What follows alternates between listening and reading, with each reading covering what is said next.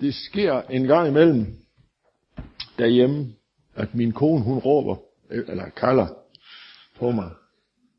Siger, Bjarne, siger hun, kom lige her og se. Og hvis jeg nu er i det rum i vores hus, som jeg betegner som kontor, det skal misforstås. Der har jeg råd, der har jeg hjemme. Øhm, så er det samtidig, så går jeg, så går jeg øh, sådan igennem gangen og hen til, til alrumsdøren der, og så, så siger jeg, hvor er du? Her, siger hun. Så siger jeg, hvor er her? Ja, det er inde på værelse. Så siger jeg, der er tre. Det er i soveværelset, eller det er inde i strygestuen. Det er fordi, jeg skal have stryg, men hun har sådan en strygerulle, det har kvinder samtidig. Hvad jeg vil med det, det vil bare sige, at, at jeg har et problem med min hørelse. Det er der nogle af jer, der godt ved, og det, det er da noget evangelium i, vil jeg sige. Men, men der, jeg vil også, der er andre til stede i verden, der har næsten det samme problem. Vi kan ikke retningsbestemme lyd. Kender du det? Hvor er du? Jamen, jeg er jo lige her. Jamen, jeg kan retningsbestemme din, din lyd, kære kone. Du kan få den sags skyld stå på månen. Ønsketænkning måske, men alligevel.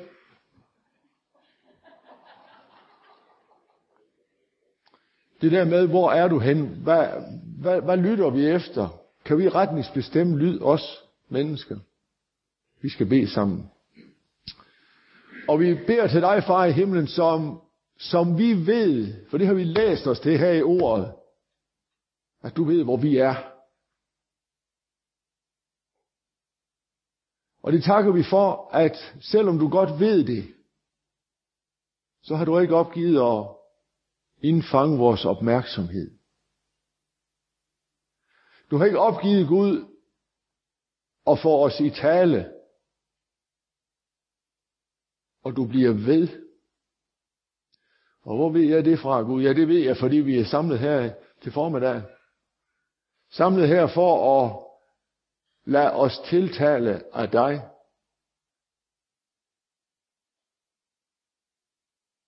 Tak Gud, at du ikke lider af handicap på nogle områder. Du kan høre, og du kan se. Og tak, at du ser til os handicappede og forkrøblede mennesker. Og tilbyder os fuld genopretning på alle niveauer. Velsign også den time her i formiddag. Amen. Slå op i jeres bibel på side øh, 11. Undskyld, 10. Ja, vi kan jo smutte med et tal. Vi skal læse et dejligt ord fra skriften. Ja, jeg har godt set overskriften. Men jeg sagde alligevel et dejligt afsnit fra skriften.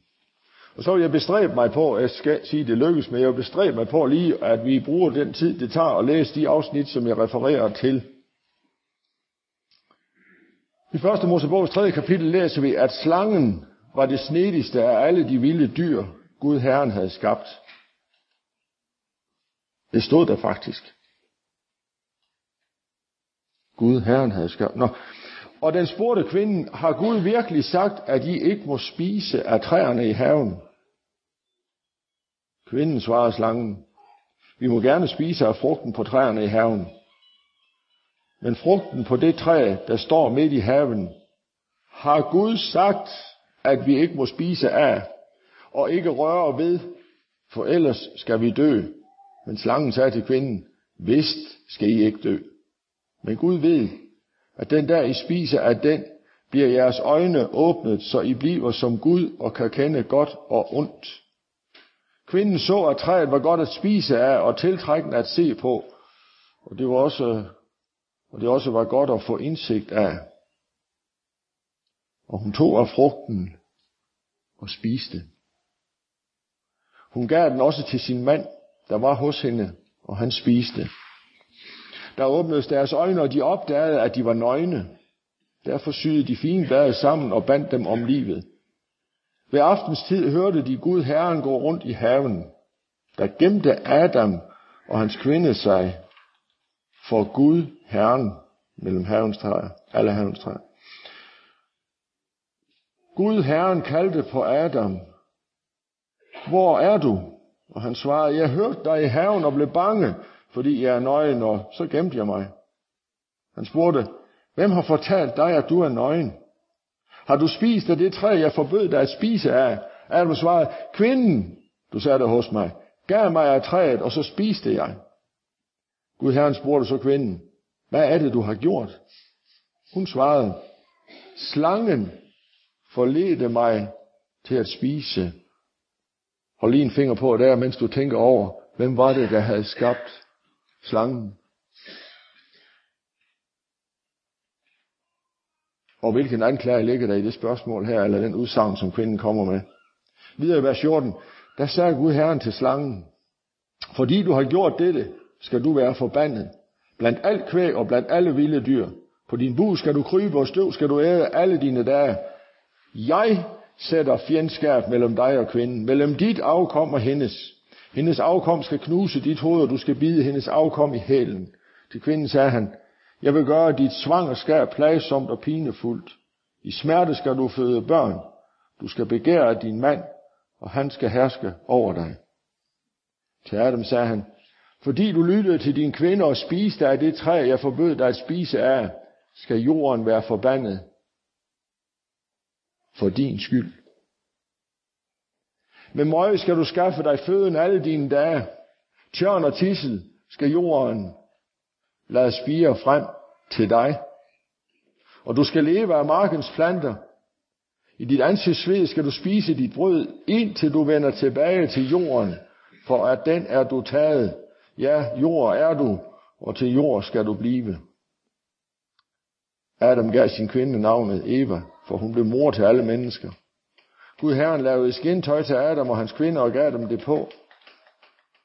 Og Gud Herren sagde, nu er mennesket blevet som en af os, og kan kende godt og ondt. Bare det nu ikke rækker hånden ud og tager af livets træ og spiser og lever evigt. Så sendte Gud Herren dem ud af Edens have til at dyrke af jorden, som de var taget af. Han gjorde dem ud, og østen for Edens have anbragte han keruber og det lynende flammesvær til at vogte vejen til livets træ. Jeg tænker, en gang imellem, så har vi en oplevelse af, at, at alting kan gå galt. De synkefri skib, de synker. Flyene, der kan styre ned, de vælter ned fra himlen. Nogle flyselskaber opererer med begrebet kontrolleret styr. Det kalder de nødlanding. Men det er ulykkerne, der kan ske. Bilerne, de kan ramme hinanden ud på vejen. Du skærer der på otte kniven, når du for tvivlet forsøger at få styr på et eller andet projekt, du har gang i i køkkenet. I stedet du måske skulle opholde dig, fordi du har evner til det eller noget, og hvad ved jeg. Alt, hvad der kan gå galt, det går galt. Og nu gik det lige så godt, når vi læser i kapitlet før her, så er der jo ingen ende på herlighederne. Verdens skabelse.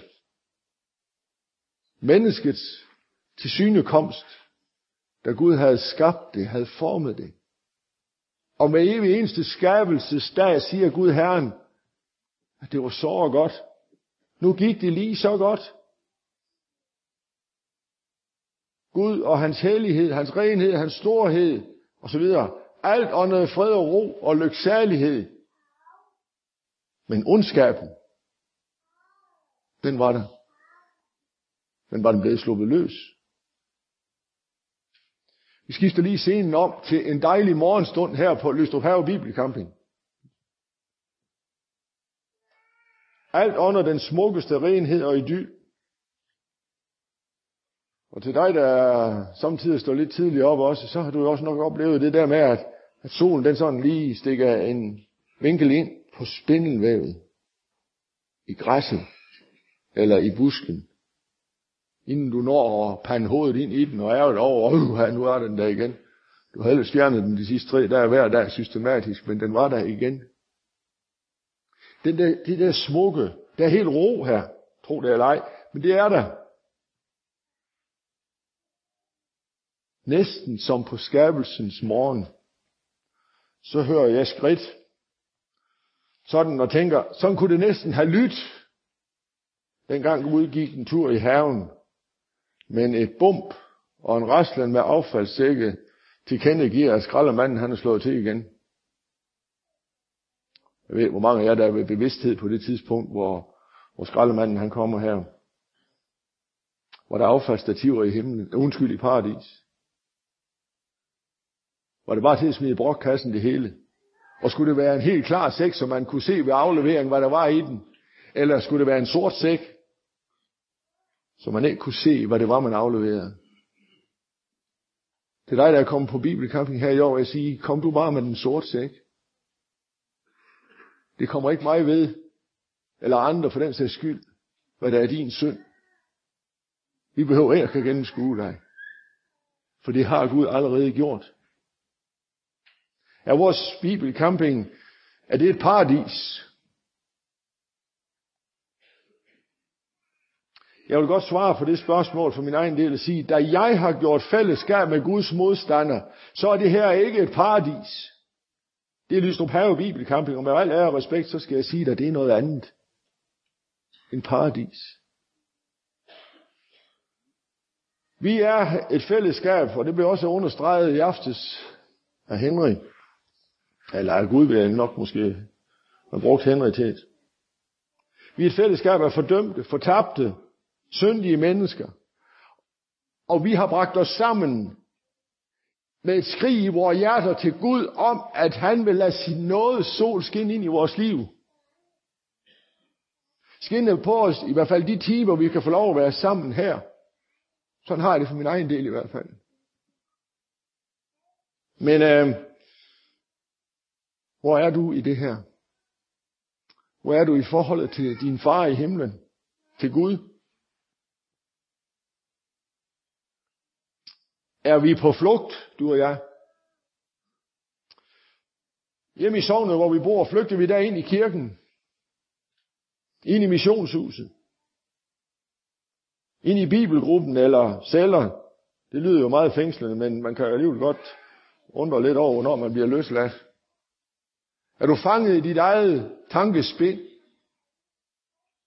om, at den nådige Gud, han skal nok klare grejerne for mig?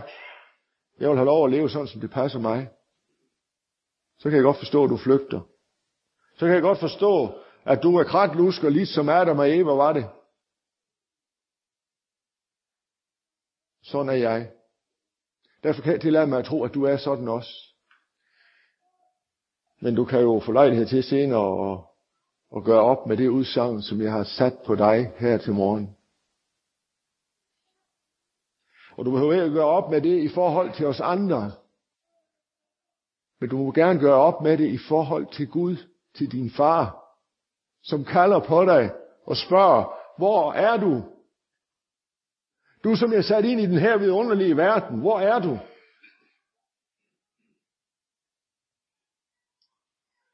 Er du flygtet her til bibelcamping?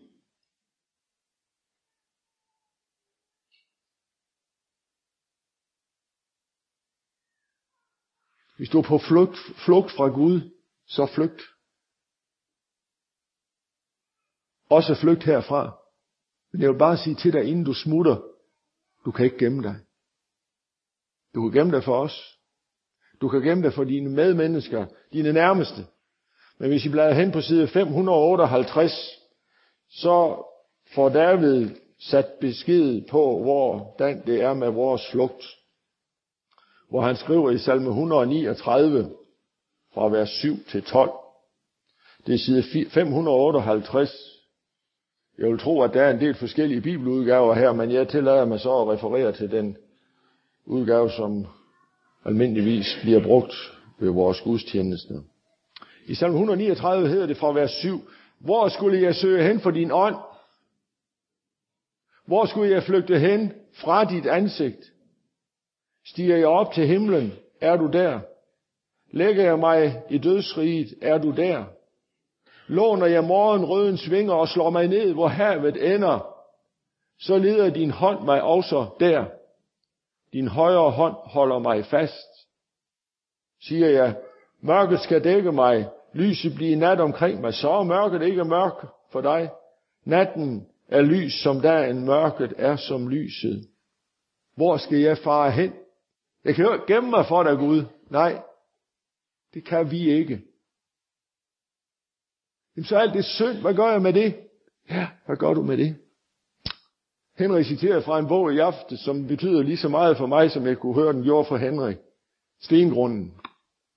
Hvor der i indledningsafsnittet, eller det første af de tre afsnit, bliver stillet et spørgsmål til et døende menneske. Johannes hedder han. Christine, hun spørger Johannes, sig mig, siger hun, tror du, at Jesu Kristi Guds søns blod renser fra al synd? Ja. Så slår det til. Det er det Gud egentlig bare vil sige dig. Det er jo det, han ville forsøgt at sige til Adam og Eva. Og det er det, han forsøger at sige til dig og mig. David, han havde forsøgt flugt. Det er svært, når man er konge. Man skal have et stort følge og sikkerhedsfolk med, og jeg skal komme efter dig. Han fandt ud af, at også når han flygtede ind i sig selv, havde det været galt før, så blev det det. Og det er fordi, vi skal betvivle hinandens, hvordan vi har det herinde. Det kan jeg tillade mig. Jeg har så forfærdeligt meget nok med, når skriften fortæller mig, hvem jeg er. Så forfærdeligt meget nok har jeg med mig selv på det punkt. Så hvem, skulle, hvem er jeg, at jeg skulle komme og sige, at du har det lige sådan? Men skriften taler jo ikke bare lige specielt til mig, men til os alle sammen. Mennesket gemte sig for Gud, og det lyder jo et eller andet sted ganske forfærdeligt og gemme sig for Gud.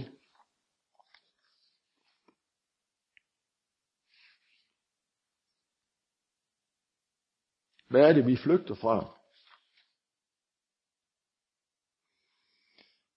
Er det det, der gik op for, eller er det det, der går op for os ved, at vi pludselig hører den her med at, at kende godt og ondt? Jeg tror måske, det var en ny tænkning for Eva den morgen.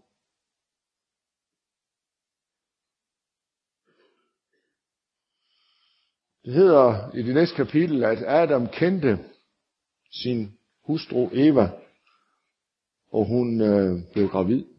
Eller frugtsommelig, som det stod i min konfirmandbibel. Det er en del år siden, man skrev det sådan. At kende synden. Hvis vi tænker på det der intimitet, der ligger i, at Adam kender Eva, og det blev hun gravid af. Hvis vi tænker på den intimitet, der ligger i det, og så det, at vi hører her i kapitel 3, at, at mennesket pludselig kender godt og ondt. Gå ind i et livsfællesskab, en intim forening med synden.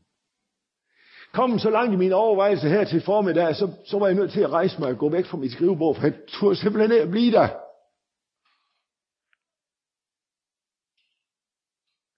Har jeg forenet mig med synden, så det er blevet en del af mit liv? Og hvad du har, det får du nok at gøre med at svare for. Det skal jeg tage mig af. Men du skal overveje det, vil jeg sige.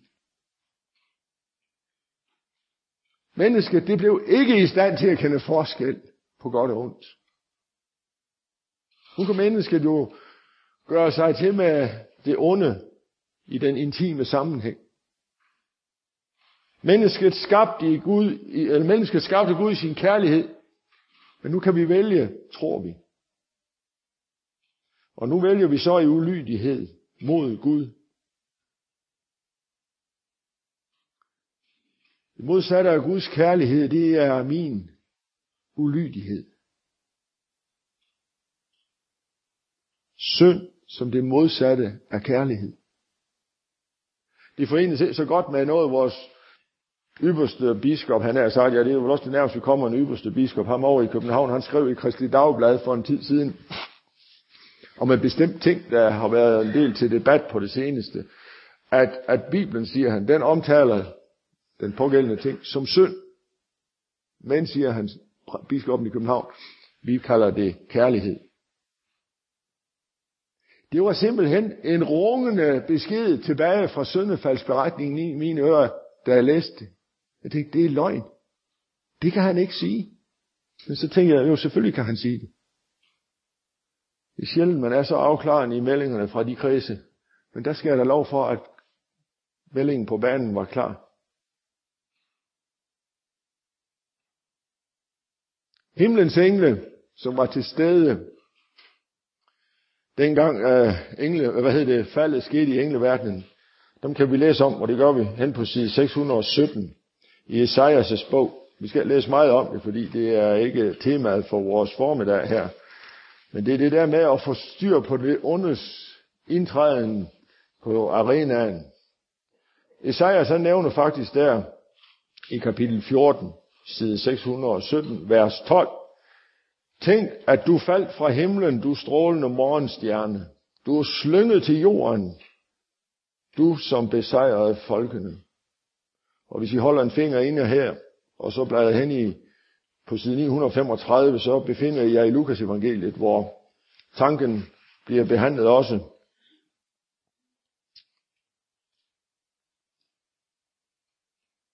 I øh, øh, Lukas 10, 18 hedder det sådan. Der sagde han til dem, jeg så Satan falde ned fra himlen som et lyn.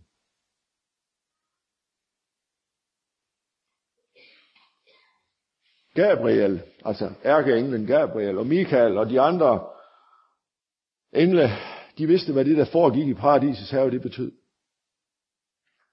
Om nogen, så havde de været vidne til det på et tidligere tidspunkt derhjemme i himlen, faldet i engleverdenen. Gabriel og Michael og de andre engle, de havde været vidne til, at en mængde engle var sluttet sig til Lucifer og blevet til ondskabens ånd og magter i himmelrummet.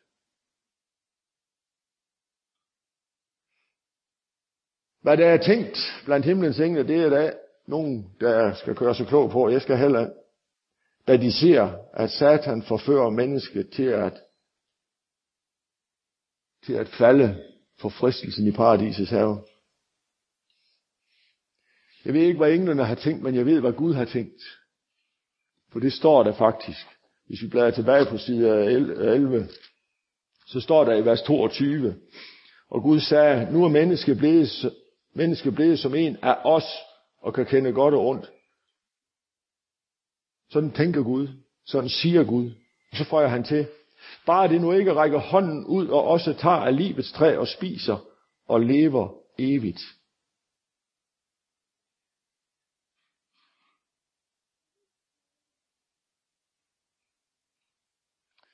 Nu er mennesket blevet som en af os. Kan du huske over i vers 21? Undskyld, kapitel 1, vers 26. Gud sagde, lad os,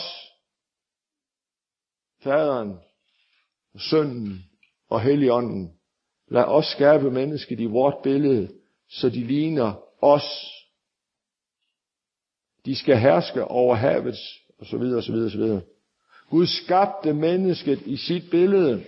I Guds billede skabte han det. Som mand og kvinde skabte han dem.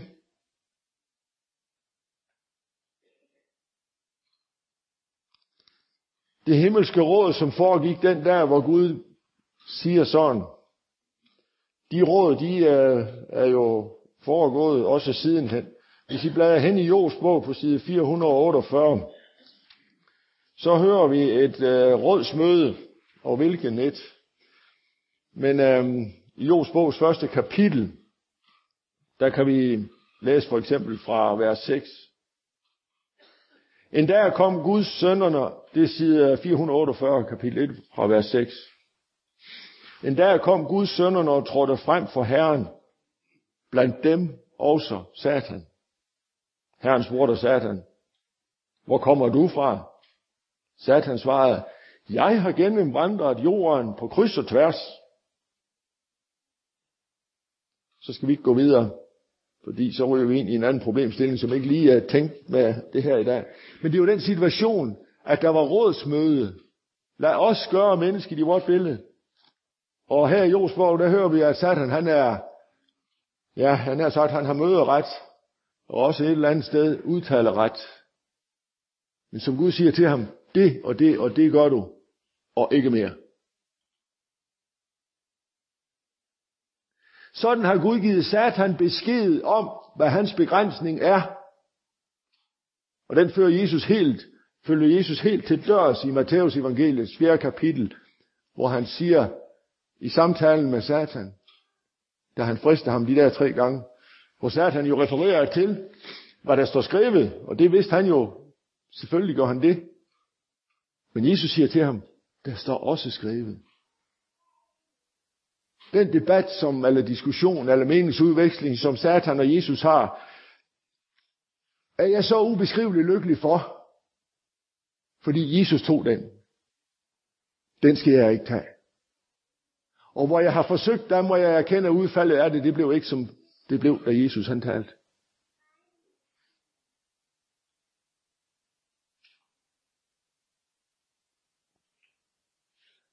Nu er mennesket blevet som en af os.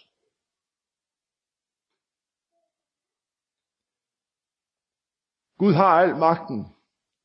Og med det tænker jeg på, at det er jeg himmel henrygt over. Helt bogstaveligt talt. For det bekræfter, at igen, at hvad Gud er, det er magten. Hvorfor, hvorfor så det fald i engleverden? Og det kan man jo bruge tid på at spekulere over. Nu står det her. Og så er det sådan. Og det er nok for mig. Det er ikke nødvendigt for mig at forstå det. Jeg tror det. Fordi skriften taler sandt. Både når jeg mener, den taler imod mig, og når den stryger mig med hårene. Skriften er for mig en autoritet, og den er alt til diskussion. Til Guds store ære og for hans navns skyld, så er det stadig sådan, at jeg må kende ham. I Jesus Kristus, der er vi jo på en fantastisk ny måde sat ind i det fællesskab, som vi selv ødelagde. Øh, afdøde Grundtvig, han skriver i en af sine dejlige salmer, nummer 700 i den danske salmebog, der skriver han sådan fra vers 5. Velsignelsen af Jesu mund, hvor kærlighed er inde, omplanter i en særlig stund på hellig grund den blomst hos mand og kvinde. Og de hardcore salmesyngere, de ved, at det er fra en, øh, en salme, der er, er til bruges ved hvilelser. Den tager vi lige igen. Velsignelsen af Jesu mund. Velsignelsen af Jesu mund. Det var den velsignelse, der lød, da Jesus for eksempel råber fra korset, det er fuldbragt.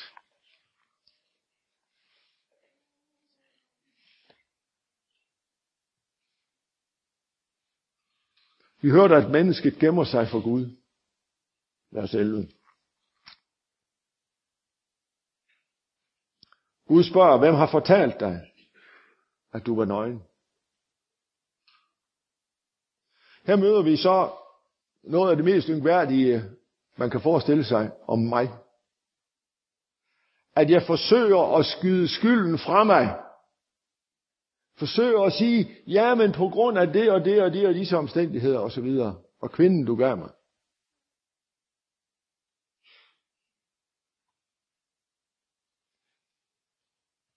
Hvad med, om du lige tror i karakter, du menneske, der sidder her i, til formiddag?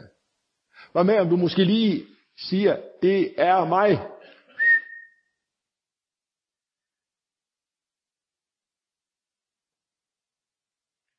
I stedet for at sige, det er de andre.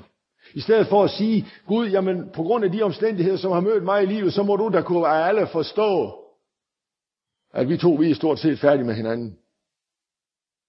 Og skal der komme mere for dig, så er det en tillidsbevilling. Jeg er i hvert fald færdig med dig i forhold til det, jeg kender indtil nu.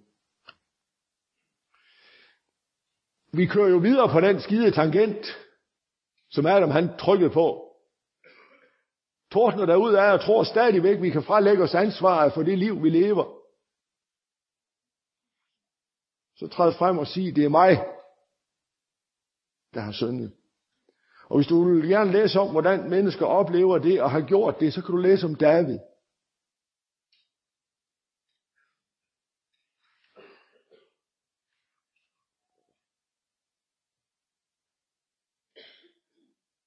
Fald i engleverdenen som gjorde, at Gud nedstyrtede slangen,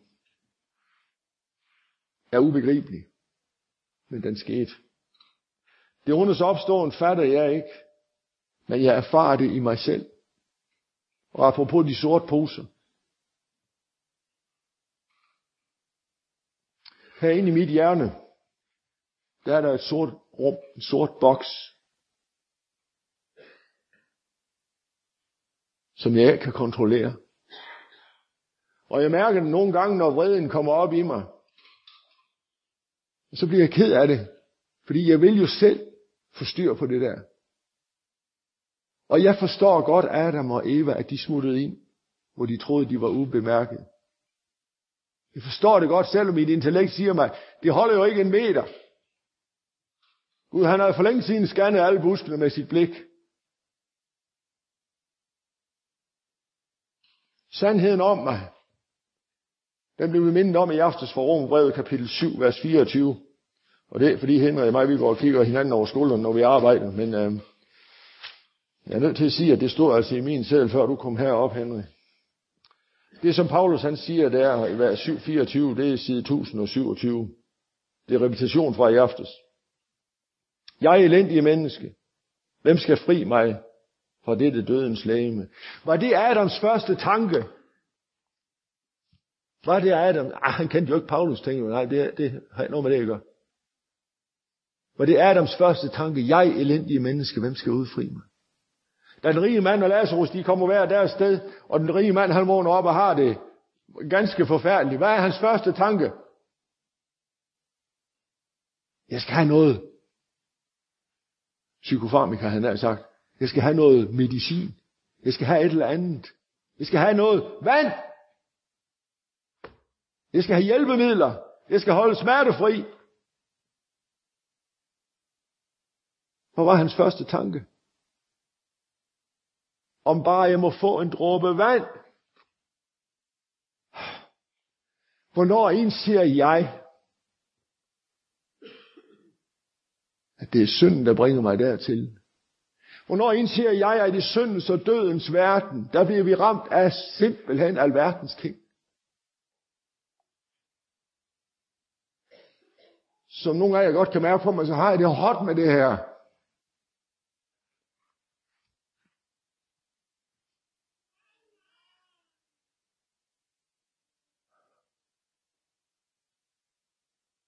For hvem er vi mennesker? Og hvem er jeg?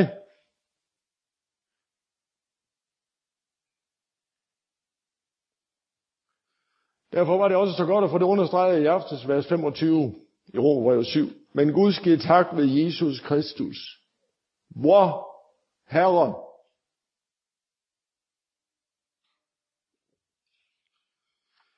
Det var Jesus Kristus, der gjorde, at Gud kaldte os ud fra det vores skjulested.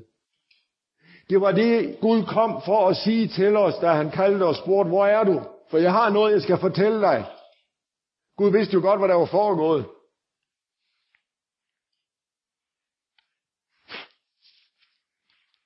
Der er hen på side øh, 483.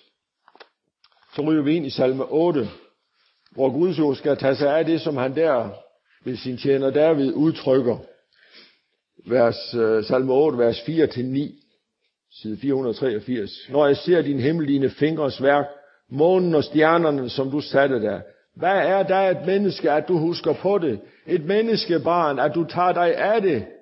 Du har gjort det kun lidt ringere end Gud. Med herlighed og ære har du kronet det. Du har gjort det til hersker over dine hænders værk. Alt har du lagt under dit svøder, og så videre. For okse i mængde selv de vilde dyr, himlens fugle og havets fisk, den, som færdes af havenes stier. Hvorfor er vi kommet sådan et sted? Hvorfor har jeg det ligesom flere af jer, ligesom Storebæltsbroen og Lillebæltsbroen, vi skal holdes op af piller? Hvorfor har vi det sådan? Er du eller jeg, er vi værre sønder end hinanden? Nej. Men vi er alle sammen sønder, og vi er alle sammen ud af, som vi har læst det, Evas børn. Og som jeg har samtidig sagt, det er en skam at blive syg, uanset hvad sygdommen er, men det er en skam af at gøre noget ved det. Jamen, jeg kan jo gøre noget ved alle de sygdomme, der rammer mig. Nej, det kan du ikke. Men den sygdom, som du kan gøre noget ved, den har Jesus gjort det ved, der skal gøres. Hans blod soner for al din synd. Tror du, at Jesu Kristi Guds søns blod renser for al synd? Det er egentlig bare det, Gud vil sige. da han forsøgte at få kontakt med dig. Derfor er kristendom for mig, vil jeg sige, en religion, men en relation. Altså et liv sammen med Gud. Og det søger Gud stadigvæk at tilvejebringe. I kan bare notere Lukas 19.10, hvor det hedder, at menneskesønnen er kommet for at opsøge den, der skjuler sig. For at opsøge frelse den, som er fortabt. En tidligere biskop i Ribe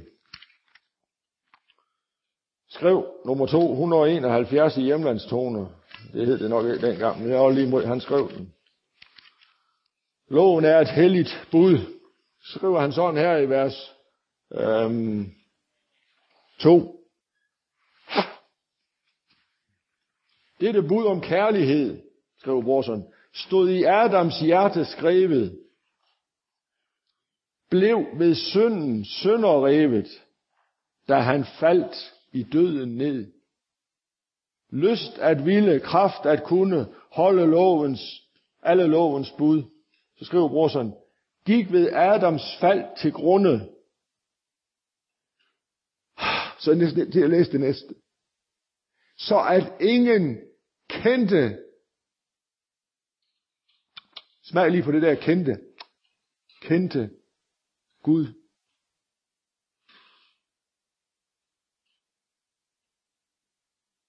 Så skriver brorsen videre. Da nu hele verden lå under Herrens dom og vrede, og da straffen den var rede, som der skulle følge på, da begyndte Gud at tale. Så er vi hen i kapitel 3, igen i første Mosebog. Om sin egen kære søn, som hans vrede skulle svale for det ganske Adams køn. Og det er nappet lige ud af vers 15 og 16. Og Gud siger, jeg sætter fjendskab til kvinden, siger han, jeg vil øh, hendes, øh, sætte fjendskab mellem dig og kvinden, mellem dit afkom og hendes, hendes afkom skal knuse dit hoved. Der taler Gud og forkynder evangeliet. Menneske, hvor er du, spørger han, for jeg har noget, jeg skal sige dig.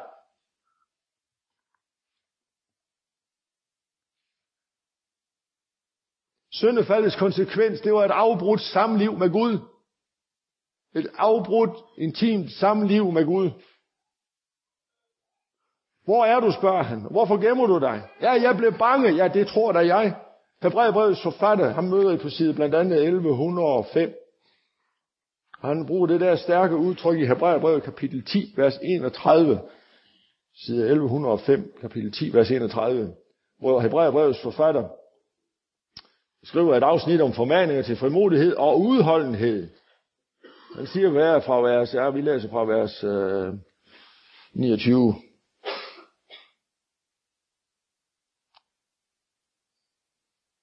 I, der I ikke, øh, hvor meget hårdere straf mener I der ikke, at et menneske fortjener, når det træder Guds søn under fod og vandhelliger pagtens blod, hvormed han selv er helliget, og håner nådens ånd, siger han.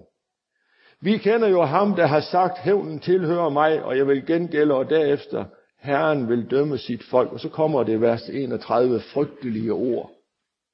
Det er frygteligt at falde i den levende Guds hænder. Er det derfor, du er flygtet her til Bibelcamping? Så har du godt nok skudt dig selv i foden. For Gud er her.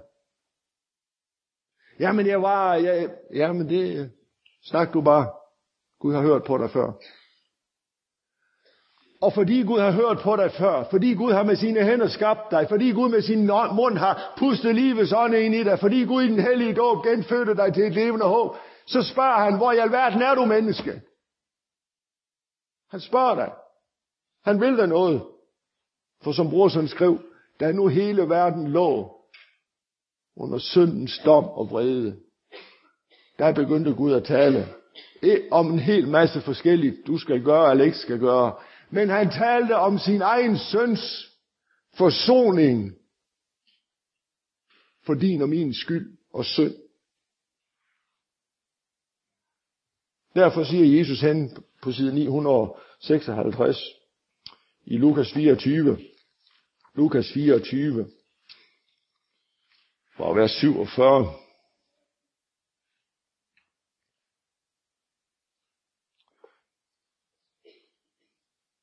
side 956, Lukas 24 fra vers 47.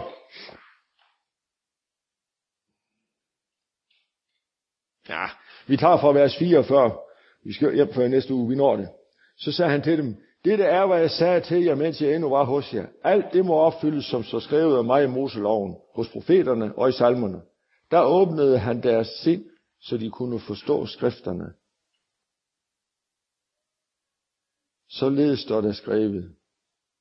Kristus skal lide og opstå fra de døde på den tredje dag, og i hans navn skal der prækkes omvendelse til syndernes forladelse for alle folkeslag. Der blev prækket omvendelse herfra i aftes. Der blev også vidnet om, hvad den forkyndelse har betydet i menneskers liv. Og vi kender hinanden godt nok, nogle af os i hvert fald, til at vide, hvad det har betydet for os, at den forkyndelse, som Jesus selv grundlagde, er blevet holdt ved. Og det er vores berettigelse. Det er derfor, vi er kommet sammen i vores fælles flugt for det, som vi ikke magter at se i øjnene, nemlig vores synd. For jeg måtte være ærlig og sige, jeg ville blive sindssyg, hvis Gud viste mig al min synd. Det vil jeg simpelthen ikke magte. Det vil jeg kunne tåle. Og det er ikke fordi, jeg er værre end dig. Det er fordi, du er værre end mig. Men vi er flugt, på flugt fra Gud. Og så vil jeg gerne sige, det kan godt være, at du tænker, ah, der er ingen vej tilbage til paradiset. Det kan godt ske, at du har ret i det. Men der er en vej frem. Og det er det, vi skal bruge Jesus til. Det er det, der skal med Jesus. For han siger, jeg er vejen, sandheden og livet. Lad os bede. Far i himlen, jeg vil gerne sige dig tak for den her. Jeg vil gerne sige dig tak for dit ord til os. Jeg vil gerne sige dig tak for, at du opgav, da vi forsøgte at stikke af. Jeg vil gerne takke og prise dig for, at du selv lagde ud, Gud, med en meget, meget klar forkyndelse af, hvad der var planen. Og det var hverken den ene eller den anden betegnelse for plan. Det var din plan, Gud. At du ville frelse os. Det er derfor, du kalder på os og spørger, hvor er du hen?